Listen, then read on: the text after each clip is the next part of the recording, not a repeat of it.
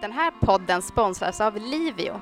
Livio Gärdet är Sveriges första och enda hbtq-certifierade klinik och har lång erfarenhet av donationsbehandlingar. Då säger jag hej och välkommen till Camilla Stenfäll som är verksamhetschef och läkare på Livio Gärdet. Tack så mycket. Vi sitter här i Pride Park som precis har slagit upp sina dörrar och det är jättevarmt, jättemycket folk som cirkulerar här och vi sitter i vårt härliga tält. Jättefint är det. Eh, idag ska vi prata lite om eh, de fyra olika lagarna som träder i kraft från och med årsskiftet och som handlar om olika sätt att skaffa familj eller familjebildning helt enkelt. Så Camilla, berätta lite kort om vad det är som är nytt i den här lagen. Eh, ja, jag har läst på lite grann och de stora förändringarna är att det till exempel kommer bli tillåtet med embryodonation. Och det har ju inte alls varit tillåtet förut att, att göra behandling där ingen av föräldrarna har en genetisk koppling till barnet utan minst en har man sagt förut. Så det är en ny, en ganska stor sak som kommer innebära skillnad för många. Eh, nu får man frysförvara eh, embryon i fem år, det har man ökat till tio år. Eh, man ska kunna adoptera även om man är sambo. Det har varit krav på att man ska vara registrerad partner eller gift förut. Eh, vad har vi mer?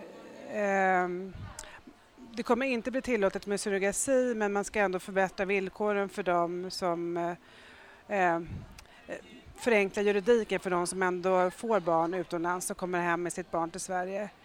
Eh, transpersoner kommer också, man lägger in att det ska vara, det låter helt självklart egentligen, men att en eh, transman som föder ett barn ska registreras som barnets far och en eh, transkvinna ska registreras som barnets mor.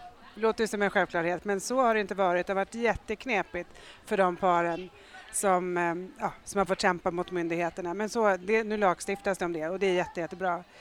Eh, vad har vi mer? Jo, det, det som vi tycker är jättebra det är att det kommer bli möjligt för andra kliniker än universitetskliniken att göra IVF med donerade spermier och ägg och det är ju någonting som vår klinik har jag har bråkat om det i mer än fem år eh, och vi har fått nej varenda gång och det beror ju då för att lagen ser ut som den gör. Man har tolkat det som att det måste vara ett universitetssjukhus men nu har man ändrat den så att nu står det att man en klinik, en godkänd vävnadsinrättning efter godkännande av IVO kan få göra det. Och det. Så nu kan vi få starta med det från första i första. Så det är väl de stora sakerna. Ja, men en, en annan sak som också, som också kommer bli ändrat nu efter årsskiftet, det är, är ganska spännande, det är att ett eh, donatorbarn har ju rätt att söka eh, rätt på information om sin donator vid mogen ålder, står det. Det har man tolkat som 18 år i alla fall. Och då kan ju det donatorbarnet då, som är vuxet vända sig till kliniken och ta del av den särskilda journal som finns upprättat, upprättad om donatorn. Eh, och det är ju inget nytt och den här informationen ska ju sparas eh, i 70 år i, eh, på arkivbeständigt papper och, och brandsäkert skåp och så. Eh, men det som är nytt är att nu ska ett donatorbarn kunna lämna sitt samtycke som ska läggas också i särskild journal för att om det kommer andra som genetiska hel eller halvsyskon efter också kunna ta reda på om, om, om personen har syskon. Så att alltså donatorbarnen ska kunna lämna sitt samtycke till att deras uppgifter lämnas ut till, till genetiska halv eller helsyskon. Så det är nytt och lite spännande. Jag tror ju att man har kunnat ta reda på sin donator under ganska många år men det är inte jättemånga i Sverige som har gjort det. Däremot så finns det ju massor med sidor, nationellt och internationellt inte minst, med sibling-sidor där man letar efter sina syskon. Det känns nästan som att det är mer intressant för, för en person att ta reda på hel eller halvsyskon än att ta reda på sin donator.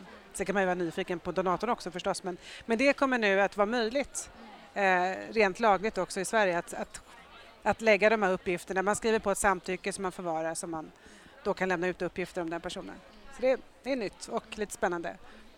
Jag har fått in en hel del frågor från er lyssnare som jag kommer ta här med Camilla och bland annat så var det den frågan då om IVF och om samkönade par har rätt till, eh, till hjälp vid er då, privata kliniker. Och hur mycket kostar en behandling på en privat klinik som eran?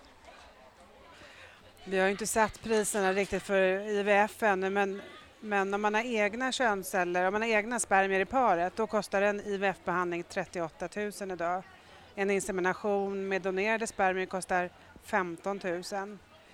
Ehm, jag skulle tro att man får lägga på 8-10 000 för det är vad spermierna kostar att köpa in. Och vart får ni spermier ifrån? Eh, nu så köper vi eh, från European Sperm Bank, en dansk eh, spermabank. Eh, men när vi gör vårdvalsbehandlingarna sen, för de som gör sina offentligt, då har landstinget ställt ett krav att det ska vara svenska spermier. Så då kommer vi köpa spermier från Karolinska. Nu pratar jag om Stockholm. Jag har inte så bra koll på övriga landet mer än ja, vilka kliniker det finns och så. Men jag tror alla landsting har lite olika regler på det där. Eh, hur är det om jag vill bära min partners ägg? Måste jag fortsätta åka till Island då? Eh, ja, det är ju många som gör det nu därför att det är tillåtet med embryodonation i, eh, i, på Island. Men här i Sverige har det inte varit det, men det kommer ju att bli tillåtet. Men så, det ska finnas en medicinsk motivering till att man gör det. Och ibland så kan det vara medicinskt motiverat. Det kan ju vara att man har en sjukdom som gör att det är riskfyllt för den ena parten att vara gravid, men då kan man använda hennes ägg ändå.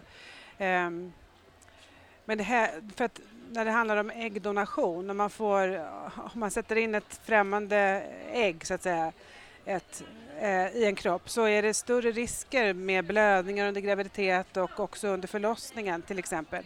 Så att det är lite riskfylldare om man säger så att vara gravid med ett ägg som inte är ens eget. Men det kommer att vara fullt möjligt för de paren där det, finns, där det är medicinskt motiverat. Då kommer det vara.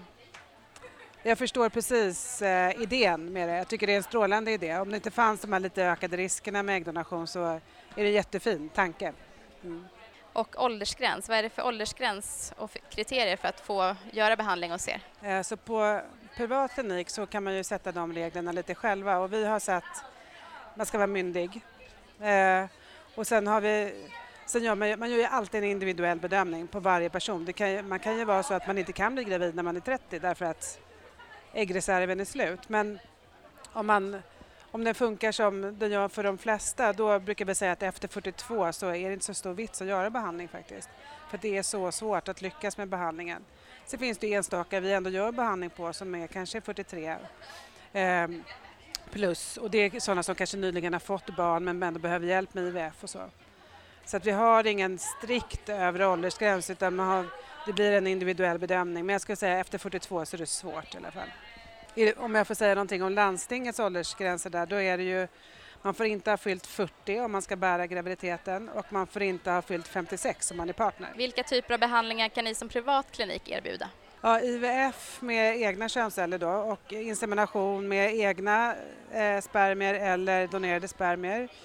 Eh, vi har ganska många som kommer och gör äggfrysbehandling hos oss, det vill säga merparten av dem som kommer, de har ingen partner men kan inte tänka sig att göra behandling som ensamstående utan eftersom kvaliteten på äggen går ner med stigande ålder så kan man då ändå frysa sina ägg och sen så hittar man ingen partner så, så kan man antingen använda dem själv eh, eller också om man träffar en partner och inte kan bli gravid på egen hand så kan man tina de äggen då, som är betydligt yngre då än kanske än vad kvinnan är själv.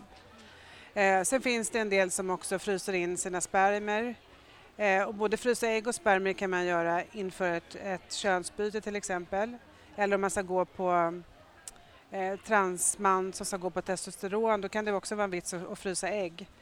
Eh, eller eh, en man som ska sterilisera sig till exempel men ändå har lite vånda och inte liksom vill ha någon slags backup.